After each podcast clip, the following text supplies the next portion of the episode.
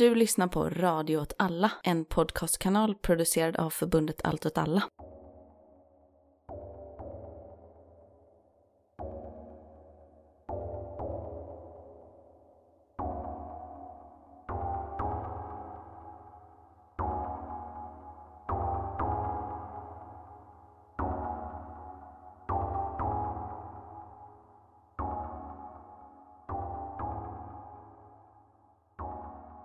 Hej och välkomna till veckans avsnitt av Eld och rörelse. Jag heter Myran. Hej hej, jag heter Martin. Och med oss idag har vi en gäst och det är inte mindre än Sveriges främsta Thailandsexpert. Karin Zackari. Välkommen Karin. Tack så mycket. Vad roligt att få vara med. Vi har ju pratat om att göra den här podden ganska länge och nu har ju Thailand aktualiserats igen på grund av de pågående protesterna som väl har böljat fram och tillbaka både 2020 och fortsatt in i 2021. Stämmer det Karin? Precis. De utlöstes egentligen för ganska precis ett år sedan, i februari 2019. Men sen kom ju pandemin och Thailand stängde ner. Men egentligen den liksom nedstängningen drev på protesterna. För det blev liksom ekonomiska problem, recession blev så otroligt tydligt i samhället. Så sen bröt de ut igen då på fullt allvar i augusti 2020. Så de var lite på och av och nu förra veckan så drog de igång igen. Så det gör det här avsnittet lite extra aktuellt känner vi. Men egentligen ska vi inte prata om just de protesterna utan ett annat ämne. Vi kan också säga att vi sitter på varsitt håll idag igen. Jag sitter hemma. Jag sitter också hemma. Ja, jag sitter i en i ett hemligt rum någonstans. och eh, vi spelar in den 16 februari.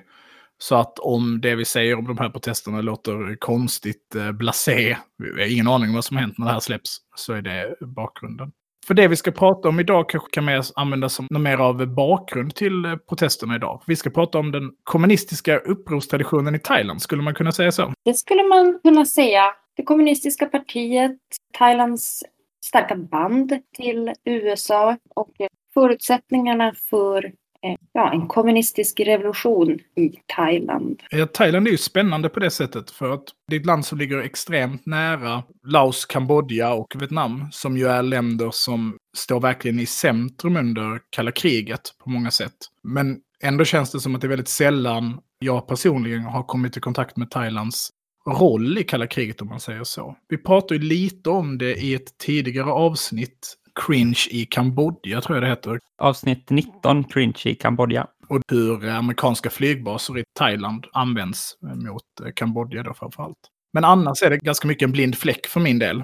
Det är ju roligt för att just det där, eller roligt, men det är ju verkligen så att USA använder Thailand och när det gäller då de här flygbaserna så kallar man Thailand i USA kallar man det för Our Unsinkable Aircraft Carrier. Okay. Så, så såg man. Men det, det jag har, eh, tycker är lite intressant där, det är liksom hur Thailand användes för att bekämpa kommunismen i närområdet. Men USAs militär användes inte som väpnad styrka i Thailand. I Thailands counterinsurgency. Och det här blir också om man tittar på en karta, jag vill bara kasta in det här, så har vi ju vid tillfället Burma, nordväst, Laos, nordöst, Kambodja, sydöst och Malaysia söderut. Och det är ju länder som allihopa hade en jättestora väpnade uppror. Som ju, om man är intresserad av counterinsurgency, så har man ju läst om alla de här länderna. Mm. Men Thailand är verkligen en blind fläck. Jag har jag tänkt på det tidigare, att det ligger liksom verkligen mitt i smeten på det sättet. Ja, och det var ju en viktig strategisk partner för USA under kalla kriget.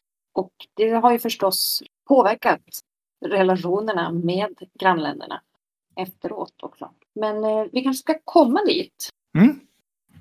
Ja, då man blir intresserad av, det finns en förklaring, en historisk bakgrund som, som förklarar varför det ser ut så här. Den korta versionen är att eh, Thailands militärregim ändrar counterinsurgency-taktik.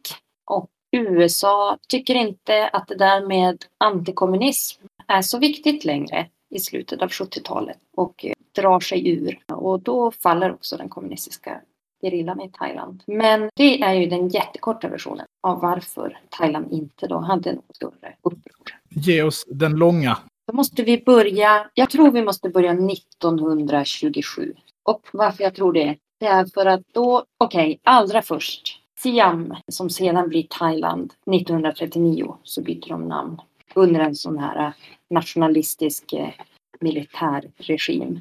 Men Siam var inte koloniserat och det här spelar roll senare. Man kan kalla det, marxister på 50-talet kallade det för en semikoloni och en feodalstat. Men det var ju inte heller ett protektorat. Och det spelar naturligtvis roll efter andra världskriget. Men man hade en absolut monarki. Så att de här kolonisatörerna lyckades ju liksom inte heller då omkullkasta monarkin. Vilket man ser jämfört till exempel med Kambodja då. Utan det är en absolut monarki fram till 1932. Och allra första väpnade kuppförsöket, det görs 1912. Men 1932 så finns det då en, en gruppering som består av ja, byråkrater, en helt ny byråkratklass som har vuxit fram. Många av dem är själva kungligheter, alltså de är prinsar. Den absoluta monarken hade ju flera hustrur så att det var lätt att tillhöra. Det, det, om man var högutbildad så var det ganska stor chans att man också hade kungligt blod. Alla hade inte det. Och sen stod den här kuppgruppen också av militärer som var mycket missnöjda med den sjätte monarken i den här familjen då, eh, som just nu har nummer tio.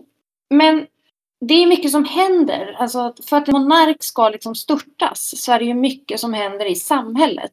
Det är ju ingenting som kommer bara som en blixt från klar himmel utan det här är ju något som pågår från sekelskiftet och framåt. En rörelse mot republikanism liksom globalt i världen där kejsardömen faller. Den första ansatsen, om vi ska hoppa genast till socialisterna. För att en del i den här gruppen då av kuppmakare, de är tydligt socialistiska. De har social jämlikhet på agendan. Fast de är prinsar? Ja, fast alla är ju inte det. Men många är det. Så. Det finns även dokument som visar prinsar som är i Europa och skriver brev hem till Thailand med uppmaning om att bli en republik för att kunna rädda monarkin. Så avskaffa den absoluta monarkin. Detta, det måste bli en republik istället. De har lärt sig den här grejen att kungar som inte lämnar över till en republik eller till någon typ av riksdag brukar få sina huvuden avhuggna. Ja, mycket möjligt. Men det finns liksom socialistiska strömningar. De som genomför den här kuppen, de kallar sig då för Folkets parti.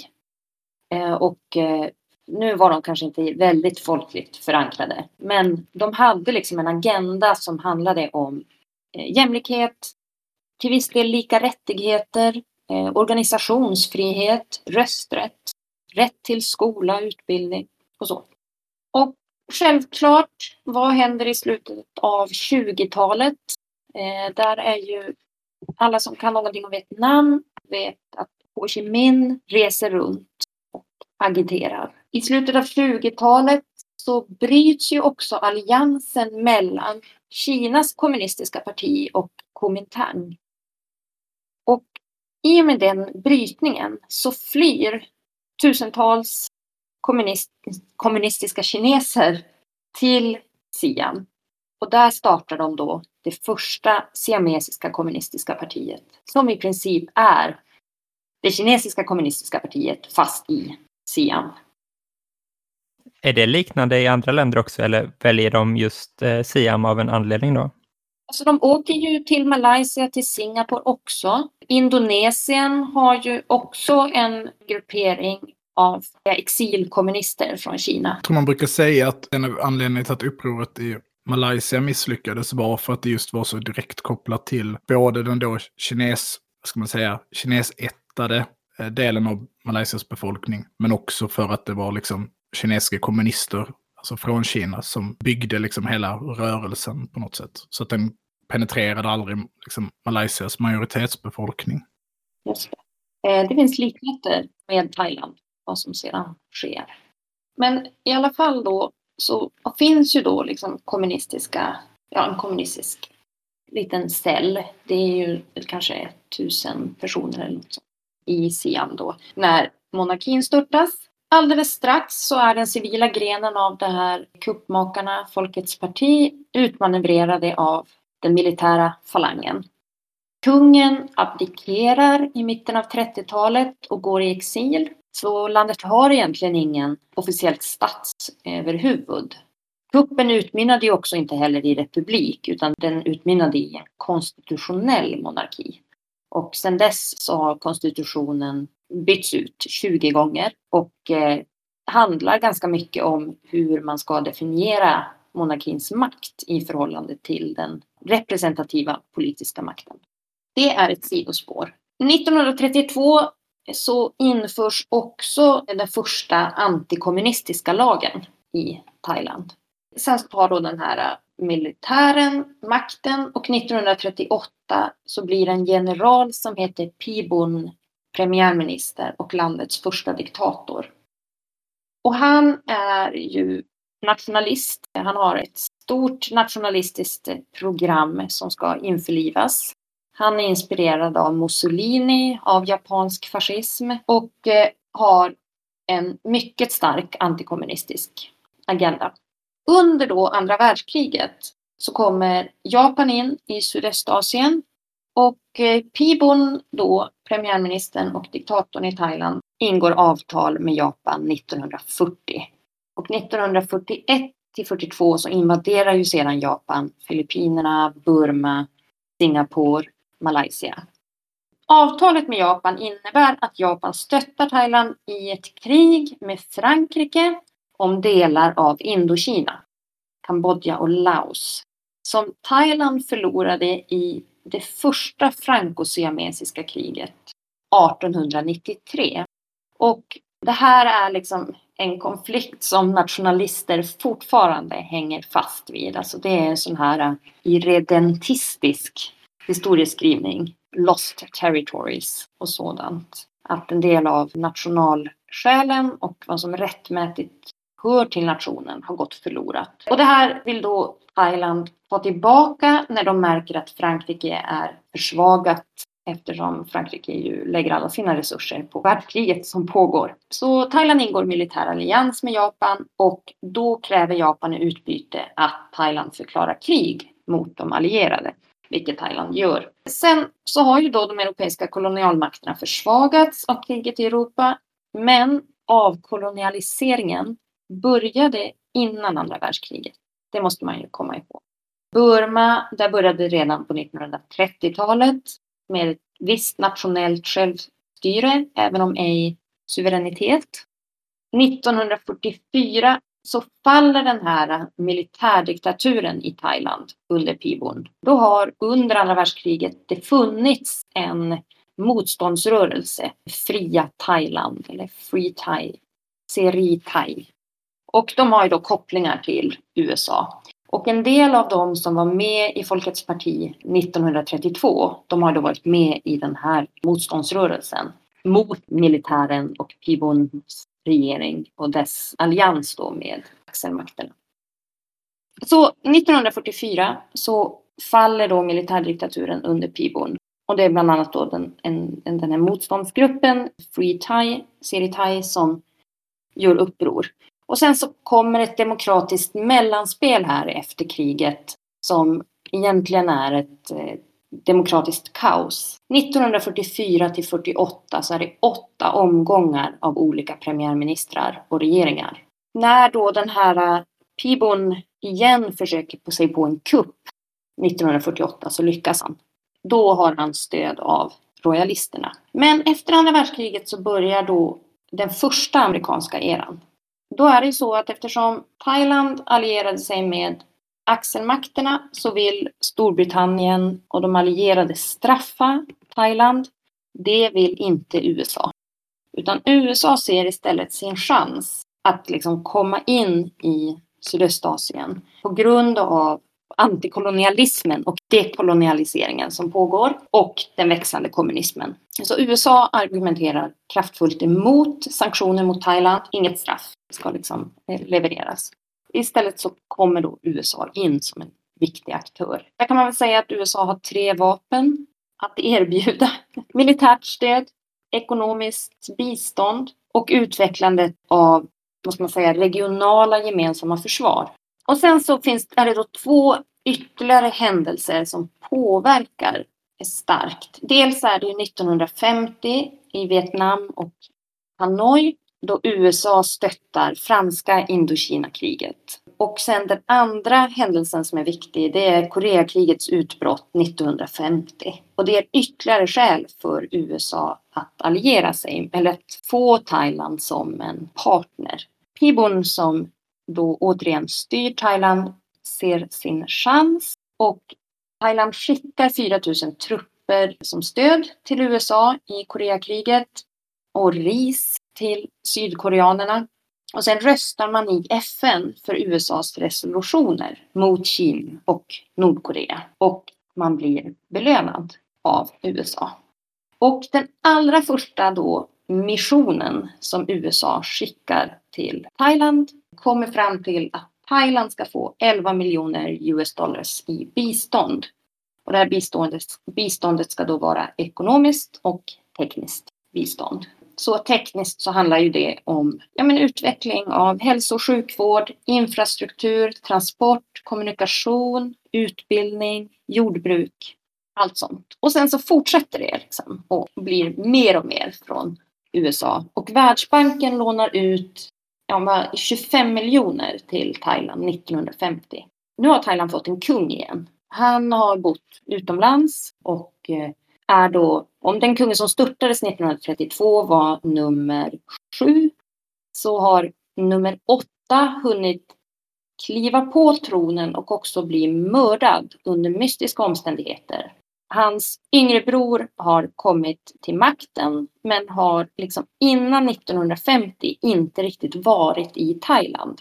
För det finns fortfarande ett väldigt starkt antirojalistiskt klimat i Thailand. När han väl liksom kommer till Thailand och man bestämmer att det mest strategiska är liksom att han stannar i Thailand, då har han en ganska kraftig uppförsbacke under 50-talet. För den här generalen Pibon, han genomförde visserligen en kupp nu tillsammans med royalisterna. Men han var ju också ledare för den kupp som störtade monarkin 1932.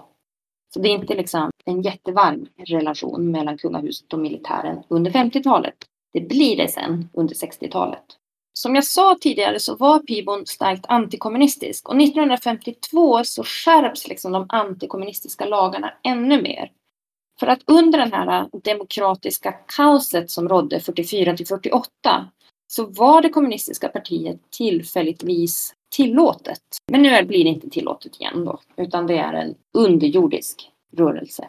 Men under tidigt 50-tal så är USAs bistånd sådär äh, hyfsat småskaligt och framför allt riktat mot ekonomisk utveckling.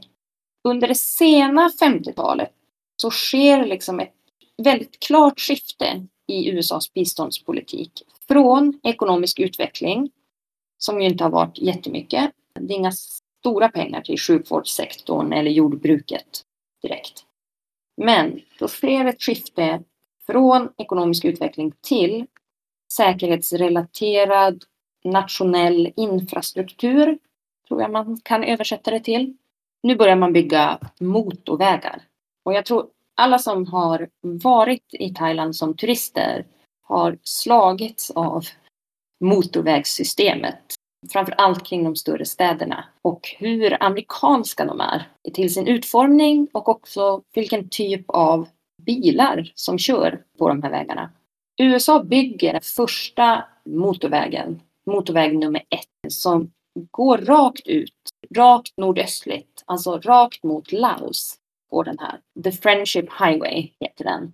Och slutar då i någonting som kallas för The Friendship Bridge som går över Mekongfloden mellan nordöstra Thailand och Laos. Och in i Vientiane, om det heter det så. Laos huvudstad liksom. Ja, precis.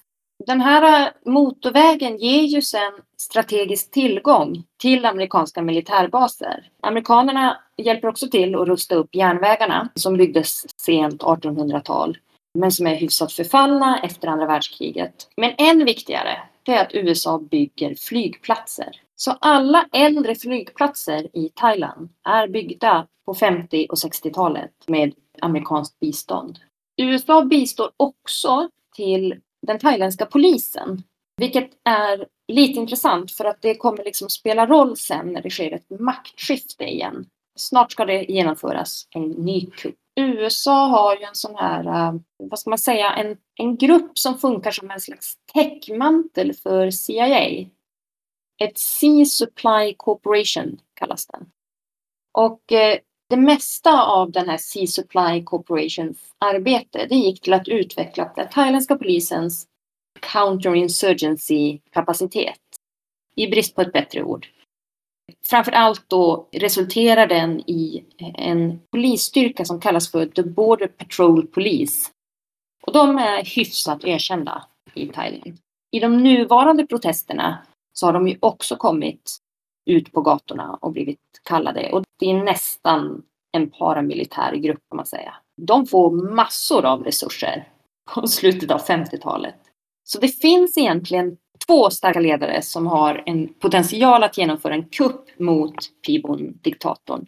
Den ene, det är chefen för polisstyrkorna, Pau. Och den andra, det är överbefälhavaren för armén, Sarit. Sarit utmanövrerar Pau och eh, genomför sin kupp mot eh, Pibon så att det blir ett skifte i militärregim. Och det Sarit gör är att han lyckas verkligen konsolidera militären som den resursstarkaste av statens våldsmonopol. Om man tänker att staten har två institutioner som har våldsmonopol, militären och polisen. Och då kan man bara nämna i förbifarten att redan tidigt 50-tal så har flottan slagits ut. Flottan försökte nämligen göra ett uppror mot Pibon och som straff då, när man misslyckas med det upproret så, så tas man ifrån i princip alla sina resurser. Så att flottan är redan marginaliserad. Men nu lyckas man marginalisera också polisen i förhållande till militären. Och nu börjar liksom en ny period i USA, Thai solidaritet. Det här är liksom den amerikanska eran. USA pumpar in pengar. Och eh, det är ju för att president Johnson och försvarsministern McNamara ser ju Sydvietnam och Thailand som de absolut viktigaste basen i kriget mot kommunismen. Så 64-65 är den massivaste expansionen av USAs militär i Thailand. Och från Thailand så utgår ju då alla de här flygattackerna på Nordvietnam, de utgår därifrån. Och också liksom flygattacker i norra Laos och om man vill liksom få någon slags grepp om expansionstakten här så är det 1964 färre än 20 flygattacker per dag mot norra Laos. Och fem år senare så är det över 90 000 per dag. Och det är verkligen Laos, snarare än Vietnamkriget i sig, som utlöser att USA satsar så mycket på flygvapnet i Thailand. Thailand är ju där mittemellan. Runt omkring så tar kommunisterna över. I Laos, Kambodja, Vietnam efter avkolonialiseringen så liksom kommer de här starka kommunistiska rörelserna. Så Thailand är ju rädd förstås, men har en god allierad då i USA.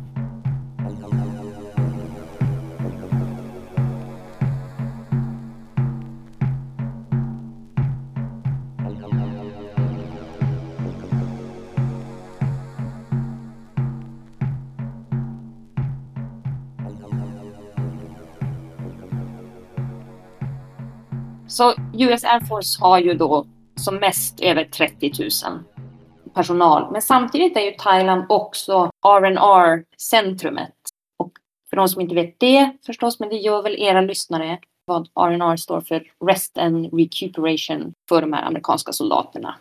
Ja, är det inte så att typ Pattaya Beach var typ en fiskeby Fram tills man börjar skicka amerikanska soldater på R&R. Precis, för Pattaya ligger jättenära dels en flygbas som USA bygger, men också då en hamn som USA anlägger. Satahib, inte alls långt ifrån Pattaya. Men det är ju liksom på daglig basis så är det ju 50 000 amerikanska soldater som uppehåller sig i Thailand. Fram till dess att eh, USA drar sig till ur Sydvietnam. R&R, om man ska stanna vid det lite, så är det att under din tur i Vietnam, så att säga, under din tjänstgöring i Vietnam, så hade du rätt till en R&R då under din tur. Jag tror det är 13 månader för marinkåren och 12 månader för soldater. Så fick du två veckor, 15 dagar ledigt, massa pengar och så fick du välja på ett par olika mål att resa till.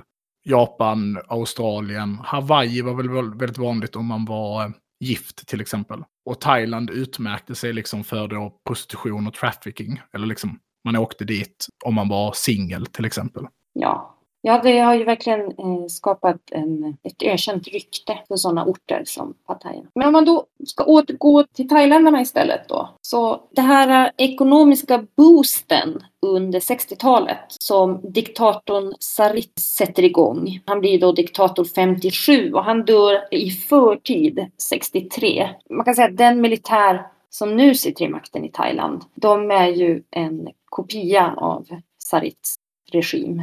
Det är under Sarit som kung Bhumibol, alltså den förra kungen i Thailand, kung nummer nio i familjen, blir den där landsfadern som vi liksom tittar på oss så här. Ja, i Thailand älskar de sin kung. Kärleken till kungen, det är baserat på den propaganda som sker under diktatorn Sarit. Där kungen lyfts fram som en landsfader. Och eh, allting som då inte är royalistiskt, allt som andas lite, lite socialism är ju ett hot mot nationens säkerhet. Och eh, människor avrättas gärna öppna avrättningar eller att det i alla fall eh, publiceras i tidningar. Folk försvinner, dissidenter försvinner, förföljs. Det är en väldigt repressivt våldsam tid under Sarit. Och det är också då som liksom samhället växer. Utan under 60-talet så får man en ny medelklass i Thailand. Det här är en ny urban medelklass. Det blir möjligt att eh, skicka dina barn till högre utbildning. Inte bara för att du fått det ekonomiskt bättre utan också för att den högre utbildningen exploderar. Och eh, universitet anläggs och så kallade öppna universitet anläggs och yrkeshögskolor startar. För nu finns det pengar i omlopp och eh, många av dem som börjar universitetet då och som senare blir framstående politiker, offentliga intellektuella och så, de har kinesiskt påbrå och deras föräldrar är entreprenörer i städerna och deras barn blir då den första generationen som kan utbilda sig till någonting annat. Och de blir ju då doktorer och ingenjörer och jurister och journalister. Och det är också så att eh, på de här, till de här universiteten så kommer också ofta ett barn ur varje familj på landsbygden. Inte varje familj, men de familjer som har råd att skicka något barn Eh, till universiteten gör ju det och då skickar man ju oftast det äldsta barnet och så. Så att liksom här har man dels liksom en ny urban medelklass men man har också en ny ung studentgeneration som inte har funnits förut. Mot slutet av 60-talet så har man plötsligt det och de är socialt engagerade. De startar sådana här studentföreningar, stor som nationell studentkår. Genom de organisationerna så åker de ut på landsbygden och så vill de liksom ge tillbaka så att säga. När de har fått utbildning så vill de bli en typ av bro mellan landsbygden och staden, eh, mellan det traditionella och det moderna. Och så vill de, är de jätteentusiastiska och vill utbilda i demokrati och så. Och så det är liksom väldigt dynamiskt under 60-talet och här växer då också det kommunistiska partiet som egentligen grundas 1942. Alltså nu är det då det kommunistiska partiet i Thailand som grundas 1942. Det är inte längre det kommunistiska partiet i Siam. Så att nu är det fler thailändare som är med, men det är fortfarande ganska kinesiskt dominerat.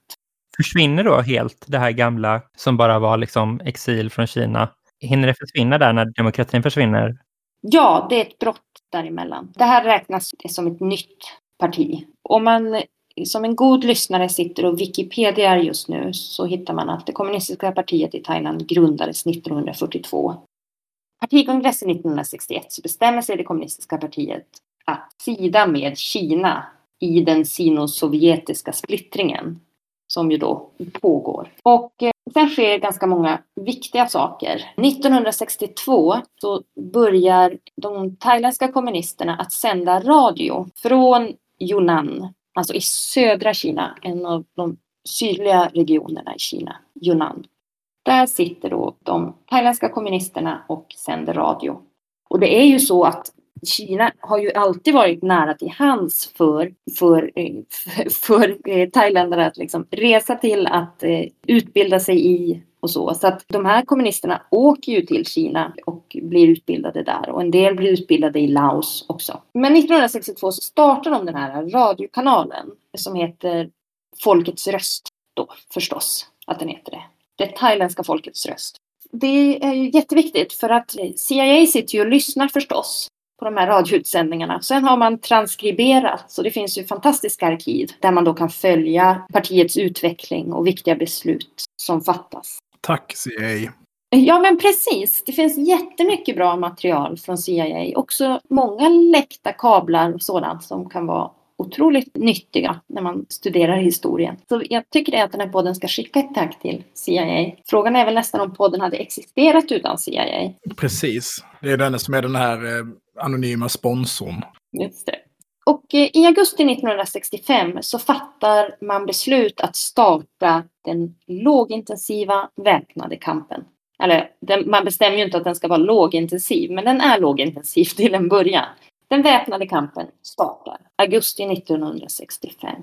Men är det utifrån Maos idé om prolonged people's war och så då? Jajamensan, det är det. De börjar uppe i liksom de nordöstligaste provinserna längst upp. Och sen så rör de sig när de expanderar sådär sakteliga mer västerut, men längs med gränsen till Laos och liksom de väldigt tätbevuxna områdena dit staten liksom inte riktigt når. Och det är också så att man vinner många strider mot thailändska armén. Bland annat är det så att den thailändska armén den är uppdelad i fyra, fyra arméer. Så den viktigaste, nummer ett, den är naturligtvis i Bangkok. Och sen är då nummer två i nordöstra Thailand, nummer tre är i nordliga Thailand och nummer fyra är i södra Thailand. Och eh, vid något tillfälle så flyttar man hela första divisionen upp norrut för att slåss mot kommunisterna, men förlorar så fatalt så man måste dra sig tillbaka. Och då är det ändå inte fler än kanske 4 000 beväpnade gerillasoldater. Det som den kommunistiska gerillan vinner på och det kommunistiska partiet vinner på i Thailand, det är att man är baserad på landsbygden där staten liksom inte haft något intresse. En landsbygd som Bangkok har sett som i bästa fall någonting som kan odla ris till att föda Bangkoks befolkning. Det är en skattebas. Men det är ingenting som regeringarna i Bangkok haft något intresse i att utveckla. Så att de här byarna är ju lätta att, eh, för kommunisterna att eh, skapa allianser i. Även om man inte värvar medlemmar direkt har man flera tusen byar under sin kontroll. Så att man, man börjar liksom i nordöstligaste Thailand och så går man lite, lite, lite grann västerut och sen så rör man sig sydligt ut längs med gränsen till Burma. Och eh, någon gång liksom 69-70 då har man också lagt under sig ett gäng av de sydligaste provinserna. Så där, om man nu har turistat i Thailand så kanske man har varit i Krabi eller så har man varit på Koh Samui och eh, då är det de provinserna. Och du säger lagt under sig, då är man liksom staten i staten här, att man är så etablerad att man har territoriell kontroll i områdena, eller hur? Ja, vissa, bara... byar, vissa byar har man det.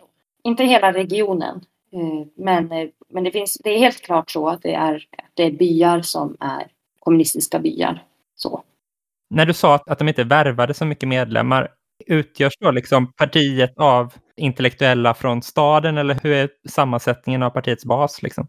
Ja, men precis. Utan, alltså, som, det här är lite svårt faktiskt att hitta väldigt bra siffror på. Som mest verkar de inte ha varit mer än 12 000 beväpnade. Men Jag har också kommit över siffror med att man hade ungefär 4 miljoner personer som man kan räkna då till ja, det kommunistiska territoriet i Thailand. Och där då byar liksom svor, eller liksom, ja, svor sig till kommunisternas eh, agenda. Så. De hade ju den här folkfronten också väl? Ja men precis. Tack för att du tar upp den. Jo, den är ju jätteviktig. 64 så har de liksom först en sån här uh, Thai Independent Movement eller någonting sånt. Sen 65 så startar de den thailändska patriotiska fronten. Och dessa två förenas sen i den förenade fronten, Thailands förenade patriotiska front. De har ju en sån här United Front Strategy, folkfrontstrategi. De är ju väldigt nära samarbete med flera av de här bondeorganisationerna. Så att när den thailändska staten, man ska väl ändå säga militärdiktaturen på 60 och 70-talet mördar och förföljer bondeledare och anklagar dem för kommunism så är man ju inte helt fel ute. Inte att försvara de här övergreppen naturligtvis, utan det är klart att de har väldigt nära samröre med varandra.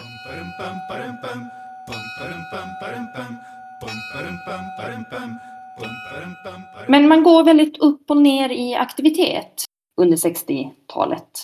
69 är ett viktigt år. Det är viktigt för att dels då har liksom den här studentrörelsen, den har bildats och studenterna har börjat arbeta då som jag sa, både ute på landsbygden och ska bilda då allians med de här bonderörelserna som är jättestarka. En del forskare de pratar om att liksom, det var en revolution som hade kunnat bli 1973-74 som handlar om bönder som motsäger en sån här, eh, alltså arrendelagar i princip. Och eh, de blev ju naturligtvis eh, avrättade om det var möjligt. Och den där revolutionen kommer av sig. Men i alla fall, de här studenterna, de är ju socialister många av dem, men de ryms ju verkligen på skalan från kommunister till socialliberaler. Det är människor som vill ha en liberal västerländsk demokrati och det är kommunister och de gör gemensam sak. Och i den här folkfrontsstrategin så finns ju det med i beräkningarna. Så att man gör gemensam sak med arbetarrörelsen, med bonderörelsen och med studentrörelsen. Men kommunistiska partiet håller sig i bakgrunden. Alltså man har ännu inte tagit steget att liksom gå in i staden, bli en urban rörelse. Det gör man först, eh, jag tror att det kan vara 1973 just det, 1969, förlåt. Det var så viktigt år. Det är också viktigt för att då får liksom då får den här militärregimen för sig att man ska genomföra val. Och man vinner naturligtvis valen. Även om de här studenterna är ute och propagerar för demokrati så vinner såklart sittande militärregim valet. Och sedan 1971 så genomför regeringen en kupp mot sig själv för att rensa i leden då och eh, omkullkastar en konstitution som ändå ansågs vara hyfsat demokratisk eller möjligen skulle kunna leda till demokrati en dag. Så att då gör man sig till ovän med den liberala medelklassen och även liksom de konservativa i Thailand, alltså de konservativa demokraterna. Så att 1973 så är massdemonstrationer i Bangkok. Över 400 000 är ute på gatorna och eh, möts naturligtvis med våld. Men i slutändan så skickas de tre generaler som utgör liksom juntan, de skickas i politisk exil och landet påbörjar något slags nytt demokratiskt experiment. Under 60-talet och 70-talet så har det varit väldigt mycket våld mot socialister, mot arbetare, mot bönder och allihopa anklagas ju naturligtvis för kommunism. Och det här våldet från högern, det blir bara värre och värre under tiden 73 till 76. Man har ju liksom dödat kommunister innan dess, men nu börjar de organisera liksom såna här små miliser, paramilitära grupper unga killar som går på de här yrkeshögskolorna som 1973 var med och störtade militären. De är nu istället med i Medborgargarden som kallas för de röda bufflarna eller de röda tjurarna kanske, Red Bulls. Och sen så finns det då såklart har kungahuset engagerat sig i att bygga en nationalistisk konservativ rörelse och har en jättestor plan liksom på att expandera ut på landsbygden och har då en sån här scoutrörelse. Målet är ju att hela byar ska svära sin trohet till nationen och till monarkin mot kommunismen. Så att man använder sig av den här scoutrörelsen då för att liksom mota undan kommunisterna. Så den är massiv och det är ju barn och vuxna och det är ju höga politiker och så. Jag har en fråga. Buddhismen i Thailand, Mm hur spelar liksom den in i den här processen? Jag tänker att det är jättespännande att se i Vietnam, under både revolutionen i Vietnam, men också under kriget mot Amerika, hur de förhöll sig till ja, religion generellt. Hur ser liksom det ut i Thailand under de här åren? Jo, Thailands mm, liksom, religion är lite speciell så att den är ganska ortodox kanske man skulle kunna säga. Den ligger väldigt liksom, nära statsmakten. Den är väldigt konservativ. Och det här använder sig, det har, det har alldeles nyligen liksom börjat skrivas om munkarnas roll i kalla kriget. Och också där hur USA kunde använda sig av religionen för sina syften. Så att eh, det finns ju i Thailand en sån här, sen kung nummer sex, Rama den sjätte, ja, ett sätt att uttrycka sin lojalitet och det som är liksom de tre pelarna som landet står på. Och det är religion, monarki och nation. Nation då som i betydelsen blod, alltså den etniska tillhörigheten nation. Det här liksom munkväsendet är väldigt viktigt för eh, den konservativa spridningen och den nationalistiska rörelsens spridning. Den är reaktionär helt enkelt. Den är mycket reaktionär.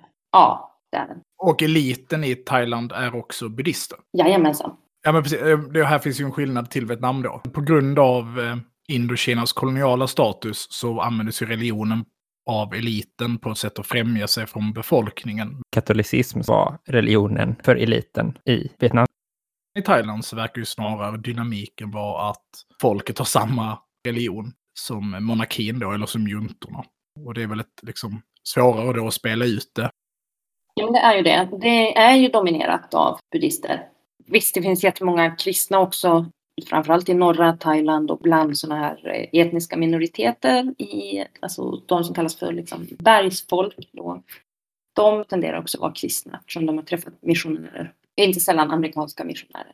Men USA finns ju närvarande på flera sätt. Alltså, hittills har vi bara pratat om USA som den här eh, imperialistiska militärmakten. Men imperialismen tar sig uttryck på flera andra sätt. Jag menar, det är tack vare USA som jag också kan någonting om Thailand, om man säger så. Att man överhuvudtaget har regional kunskap. Liksom. Att de skickar ju ut antropologer också.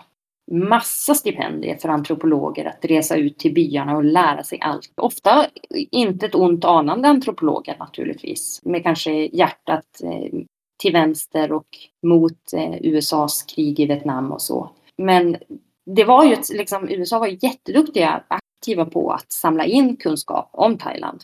Och alla andra länder naturligtvis, där USA hade intresse.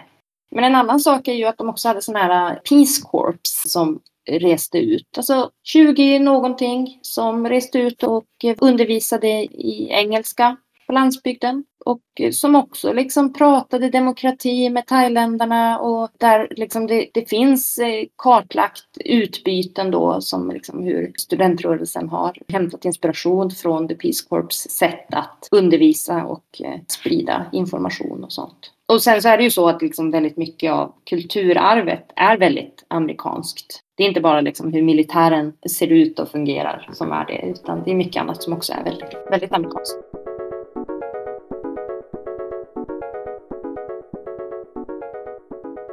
Var var vi någonstans? Ja, men just det. Vi var där någonstans kring det här kaotiska 70-talet. Precis. När man bränner eh, människor anklagade för kommunism i oljetunnor till exempel. Ha andra sådana raffinerade sätt att döda dem på och sprida skräck. Så är liksom de här högernationalistiska krafterna väldigt eh, framgångsrika. Och det sker mord på öppen gata och sådant. Och viktiga socialistiska ledare försvinner eller mördas.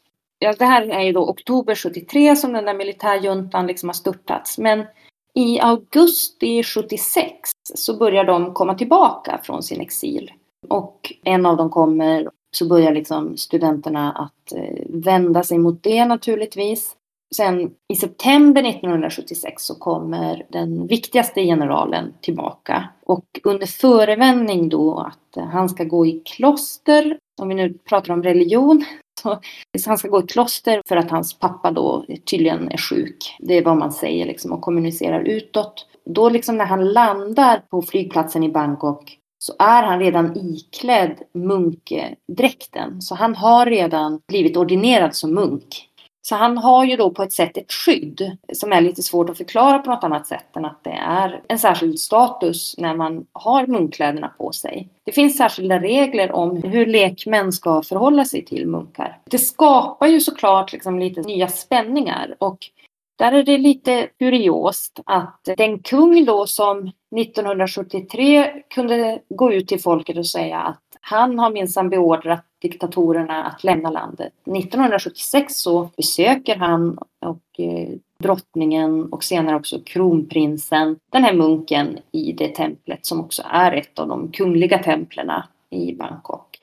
Så att det är liksom uppenbart att det finns en koppling mellan militären och kungahuset då. Det här syns ju inte jättemycket i tidningarna, men det syns lite grann. Och sen som protest då mot att de här generalerna har kommit tillbaka så delar folk ut eh, flygblad och sånt. Fackföreningsrörelsen är jätteupprörd. Och två fackligt aktiva mördas och eh, hängs då på ett mycket makabert sätt upp på grinden till den fabrik där de arbetar. Eller de arbetar på en sån här eh, elkraftstation. Och eh, de har blivit mördare och sen så hängs de då upp på den här eh, grinden. Det blir mycket skriverier. Polisen har helt klart varit inblandad i saken. Man säger liksom att man ska föra den polisen inför rätta och så ställas till svars för det här. Det händer naturligtvis inte. Och det här är liksom slutet på september. Och studenterna som då har helt klart radikaliserats, kommit närmare marxismen. Marxismen studeras liksom öppet på universitetscampus och så. Och har vänt sig bort från en nationalism som de ändå liksom omfamnade tre år tidigare. Då studentrörelsen leder protesterna som omkullkastade diktatorerna 1973 så gjorde man det under liksom Thailands flagg och man visade också öppet sig som royalister. Det gör man inte längre 1976. Det börjar en sån här sit-in demonstration. De ockuperar campus helt enkelt på ett av universiteten som ligger väldigt centralt i Bangkok och inte alls långt ifrån det kungliga palatset. Det äldre kungliga palatset, men inte heller så långt ifrån där kungafamiljen faktiskt bor. Man genomför någon slags sketch de iscensätter en lynchning. Liksom. Alltså inte en riktig utan det är en teaterföreställning. Den här lynchningen fotograferas och sprids i tidningarna. Och eh, de högernationalistiska tidningarna plockar upp det här och menar och propagerar starkt. Det här sker liksom den 4 oktober sker den här eh, teaterföreställningen. Den 5 oktober publiceras fotografier och högermedia menar att studenten som hängs i föreställningen är medvetet gjord för att se ut som kronprinsen. Alltså, detta är ett majestätsbrott. Det här är studenterna som hotar att omkullkasta våran monarki och att döda våran kronprins. Så man uppviglar högermobbarna till att attackera studenternas ockupation av universitetet. Och eh, tidigt på morgonen den 6 oktober så har den här polisgruppen, Border Patrol Police, som är liksom säkerhetsstyrkorna i counterinsurgency-strategierna, blivit kallade till Bangkok. Så någon gång mellan fem och sex på morgonen den 6 oktober så genomför man en massaker på studenterna.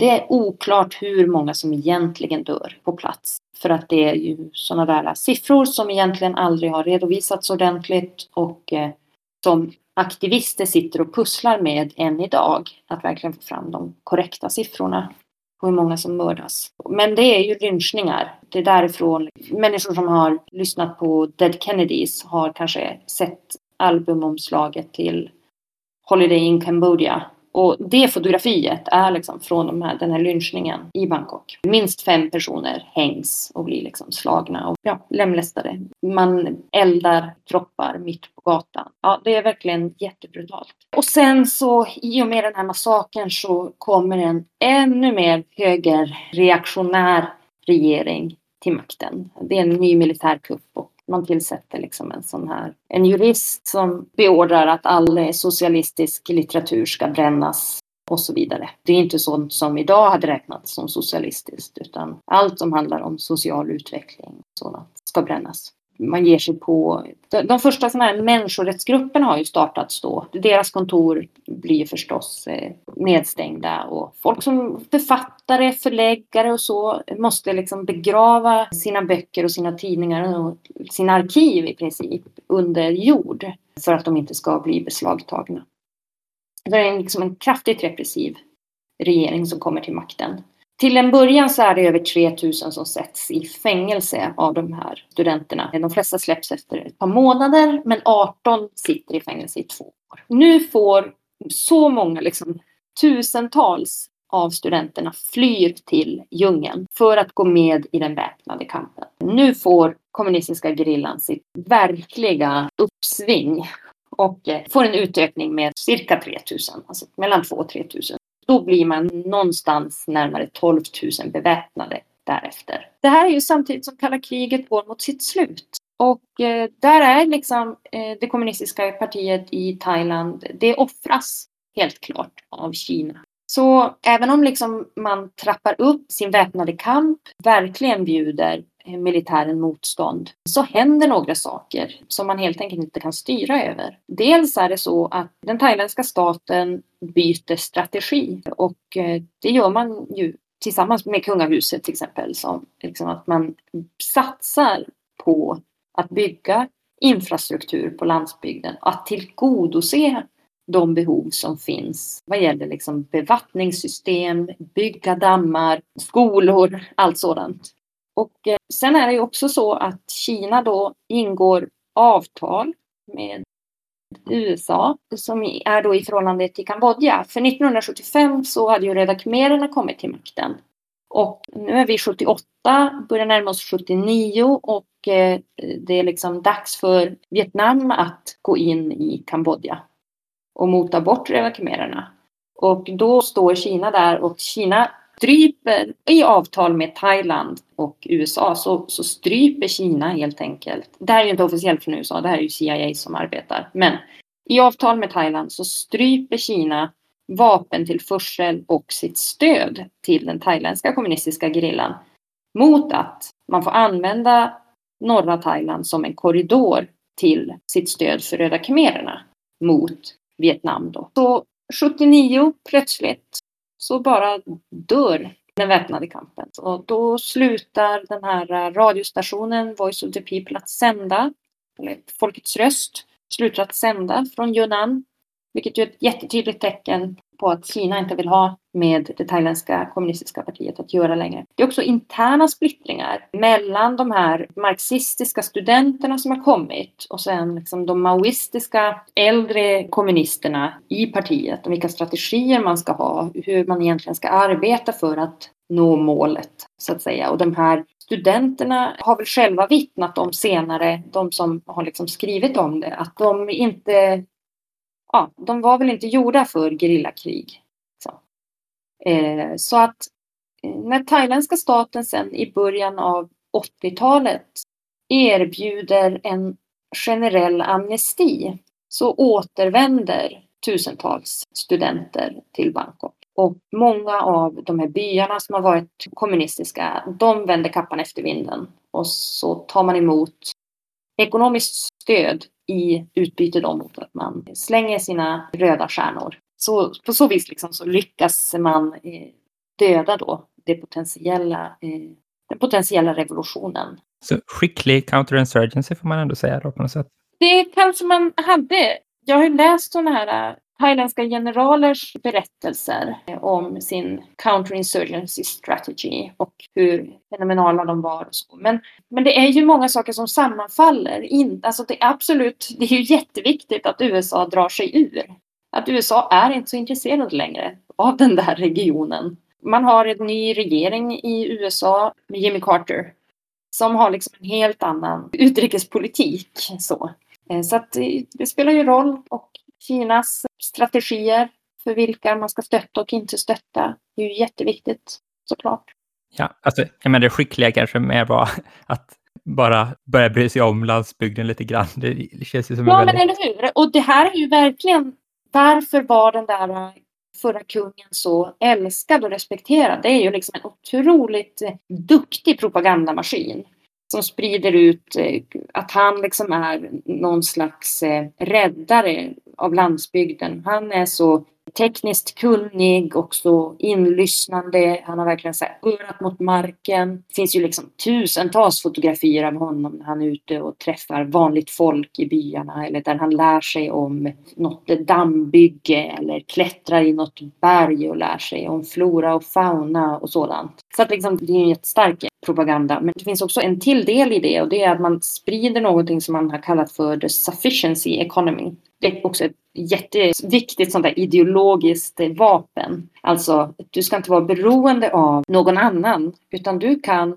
själv på din lilla jordlott odla så att du kan försörja dig och din familj. Det är det som är viktigt. Och då klarar man sig. Jag tänker att när du berättar att det är så ett typexempel på när den militära upprorsbekämpningen eller då counterinsurgency är katastrof. Men att den politiska upprorsbekämpningen, alltså att man lyckas politiskt och då militärt för viss del isolera upproret, vilket vi ju vet är liksom en huvudpunkt i hur man krossar ett uppror. Man isolerar dem genom att få Kina att bryta banden. Och det tänker inte jag i första hand är en militär framgång, utan en rent politisk framgång som Thailand får till. Ja, men det är det ju. Medan det här extremt brutala sättet att bekämpa uppror, att begå massakrer mot ungdomar till exempel, och så, brukar ju annars vara en ganska dålig strategi för att bekämpa uppror. Ja, och det fungerade ju inte heller i Thailand. Alltså militärens strategi hade ju liksom inte fungerat under diktatorernas tid under 60 och 70, början av 70-talet. Och eh, efter den här eh, väldigt repressiva regeringen som är ungefär 76 till 78 så kommer en betydligt mer öppen, kan man säga, lite mer liberal regering. Det är fortfarande militärt utbildade, det är fortfarande liksom royalister och konservativa och det är inte på något vis så att det blir en demokrati. Det blir det ju inte. Men man har liksom en helt annan politisk inställning. Och det är ju naturligtvis att man känner vart vindarna blåser. Och vad är gångbart då i förhållande till omvärlden? Och sen så börjar ju liksom en nyliberal era tidigt på 80-talet i Thailand. Och då, liksom, då är det ju de här människorna som var socialt engagerade på 70-talet. Många av de studenterna som gick med i kommunistiska partiet och så, de blir ju sen ledande i NGOer, ledande politiker förstås, såklart eh, historiker och ekonomer och så på universiteten. Jätteviktiga offentliga intellektuella. Men just liksom, det är verkligen så att det här är brottet. Nu är det NGO-ernas tid som börjar istället. Det är så man jobbar med sociala frågor. Hur knyter det här an till situationen i Thailand idag? Ja, tack för att du frågar det. För det gör det ju. För att det är ju så att det är studenter som har dragit igång de här protesterna som sker nu. Fast de har ju gjort det på ganska andra grunder än vad man gjorde på 70-talet. De här vill ha en liberal demokrati med rättigheter för alla, för hbtq och man vill ha liksom en regering som kan styra liksom ekonomin rätt igen. Det har ju naturligtvis likheter med att man vänder sig mot en militär diktatur. Och det är också så att den här generationen som gör uppror nu, de hämtar mycket stöd i det som hände på 70-talet. Den här massakern till exempel, den var ju hemlig. Alltså den var totalt censurerad under 20 år. Min egen forskning, där har jag liksom spårat hur fotografier från den här händelsen i princip inte existerar i publikationer under 20 år. Och sen 1996 i kölvattnet av en ny demokrativåg som började då 92. Då började man kunna liksom publicera och så. Men det är först liksom de senaste 10-15 åren som den här berättelsen har blivit allmängods. Så att säga. Så att dagens studenter, de är väldigt medvetna om den thailändska statens mörka historia. Och att den berättelsen om sitt land som de har fått med sig från småskolan upp till universitetet inte är sann. Och det är verkligen en del i liksom deras protest. Alltså de vänder sig mot skolväsendet. De bara, det här är ju bullshit, det ni lär oss. Och det är liksom, vi utbildas som om vi vore militärer. Vi är ju en jättehierarkisk eh, skola och den är också väldigt ojämlik. Så här, de har allt det här historiska bagaget som de numera känner till. Men de är liksom inte bundna av det. Så som de som var med då är. Som hela tiden måste förhålla sig till sitt förflutna. De här ungdomarna kan ju liksom pick and choose vilka berättelser de vill använda sig av för att förstå sitt samhälle. Sen är det ju också jätteviktigt, tror jag, att de inte heller har levt under den starka royalism som fanns fram till, ja, fram till att den här förra kungen dog. Den var ju verkligen tynande de sista tio åren av hans liv. Och eh, det var så uppenbart att eh, kungahuset la sig i kuppen mot en demokratiskt vald premiärminister som man må tycka vad man vill om. Eh, en sån business tycoon. Men att liksom kungahuset började liksom lägga sig i och ta ställning för militären och så. Så att den äldre generationen håller ju på att dö tillsammans med den kung som dog. Och eh, de här ungdomarna, de känner inte till ja, den förtryckande hegemonin som alliansen militär kungahus har haft över Thailand. Och sen har man fått en kung som redan på 70-talet var ifrågasatt som liksom lämplig och eh, har skapat sig liksom ett rykte som är svårt att eh, göra någonting åt. Du kan plocka fram den bästa propagandamaskinen och det kommer inte att funka för att folk vet vad som händer numera. Det är skandaler och så? Det, det är flera skandaler. Det som är spännande, liksom, anledningen till att jag överhuvudtaget kan prata om det här, det är ju för att de här studenterna, de verkar inte bry sig.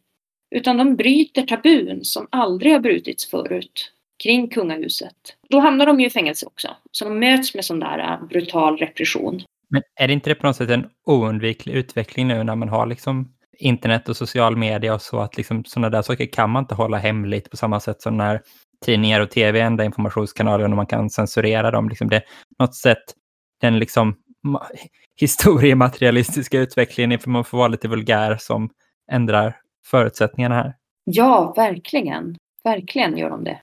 Det har väl varit lite i avsnittet generellt att man har kunnat se olika förutsättningar som har påverkat eh, utvecklingen. Det är väl en stor debatt i typ thailändska kommunistpartiet om den här koloniala, eh, vad kallar de det, semikoloniala, alla de begreppen liksom. Och att Thailand faktiskt aldrig är en koloni. Hur det också påverkar det här. Att många av de förutsättningarna som finns i typ Burma, Malaysia och Laos och Kambodja och, och Vietnam. De saknas liksom. För att det är mer av en... För att man inte kan använda antikolonialismen egentligen. Som språngbräda för liksom, den väpnade revolutionen. Jo, men den är jätteviktig för dem. Men där ser man ju Bangkok då och kungahuset som en slags kolonialmakt. Och eh, man pratar ju liksom om att det är ett feodalsamhälle för att man hade liksom under kungahuset så var man ju inte medborgare på något sätt utan det fanns ju en hierarki med fria och ofria människor och så. Och sen att man ju då inte äger sin, de flesta bönder äger inte sin mark. Det är ju en stor fråga såklart.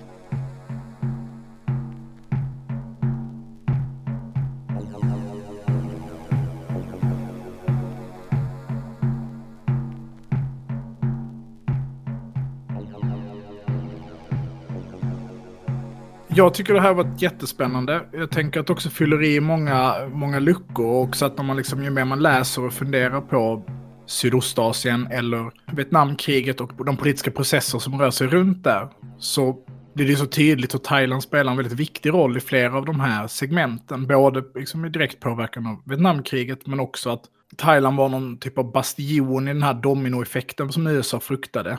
Att Thailand fick verkligen inte falla och man var väldigt beredd på att göra mycket. Och man hittade liksom samma då juntor att samarbeta med Vi försöker hålla Thailand lojalt eller Thailand liksom ohotat i den funktionen. Ja, jag vill egentligen mest tacka. Myran, har du någonting att tillägga?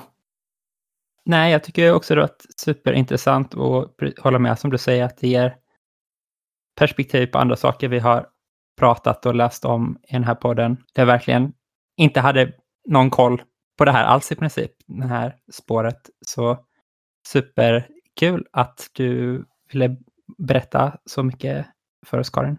Det har varit eh, väldigt roligt att, att få vara här, även om jag har lite ont i halsen nu. Jag har pratat och pratat. Men en del av det jag har pratat om kan man också läsa om i min avhandling som verkar handla om någonting annat, om mänskliga rättighetshistoria i Thailand. Men där finns det kapitel och avsnitt som berör det som jag har pratat om här idag. Och så finns det ju framför allt viktiga litteraturlistor som man kan använda sig av för att gå vidare om man vill läsa någonting mer. Vad heter den och var hittar man den? Ja, min avhandling heter Framing the Subjects, Human Rights and Photography in Contemporary Thai History. Vi lägger en länk sen i avsnittsbeskrivningen till det här också.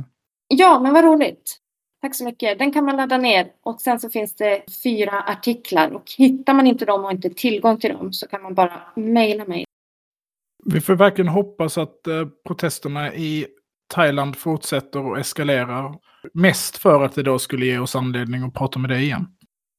Men det är ju spännande solidaritetsband som knyts över Asien nu mellan auktoritära regimer. För alla har ju en auktoritär regim nu den här Milk Tea Alliance är ju verkligen någonting man ska kika efter. Eh, för att följa, om man nu är intresserad av sociala rörelser och upprors motståndsrörelser. Ja, men igen, vi tackar jättemycket för att eh, du var med. Ifall man vill ha kontakt med oss i podden annars så kan ni höra av er på Twitter. Jag heter att slukhall.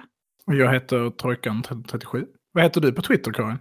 Jag heter K. Sakari.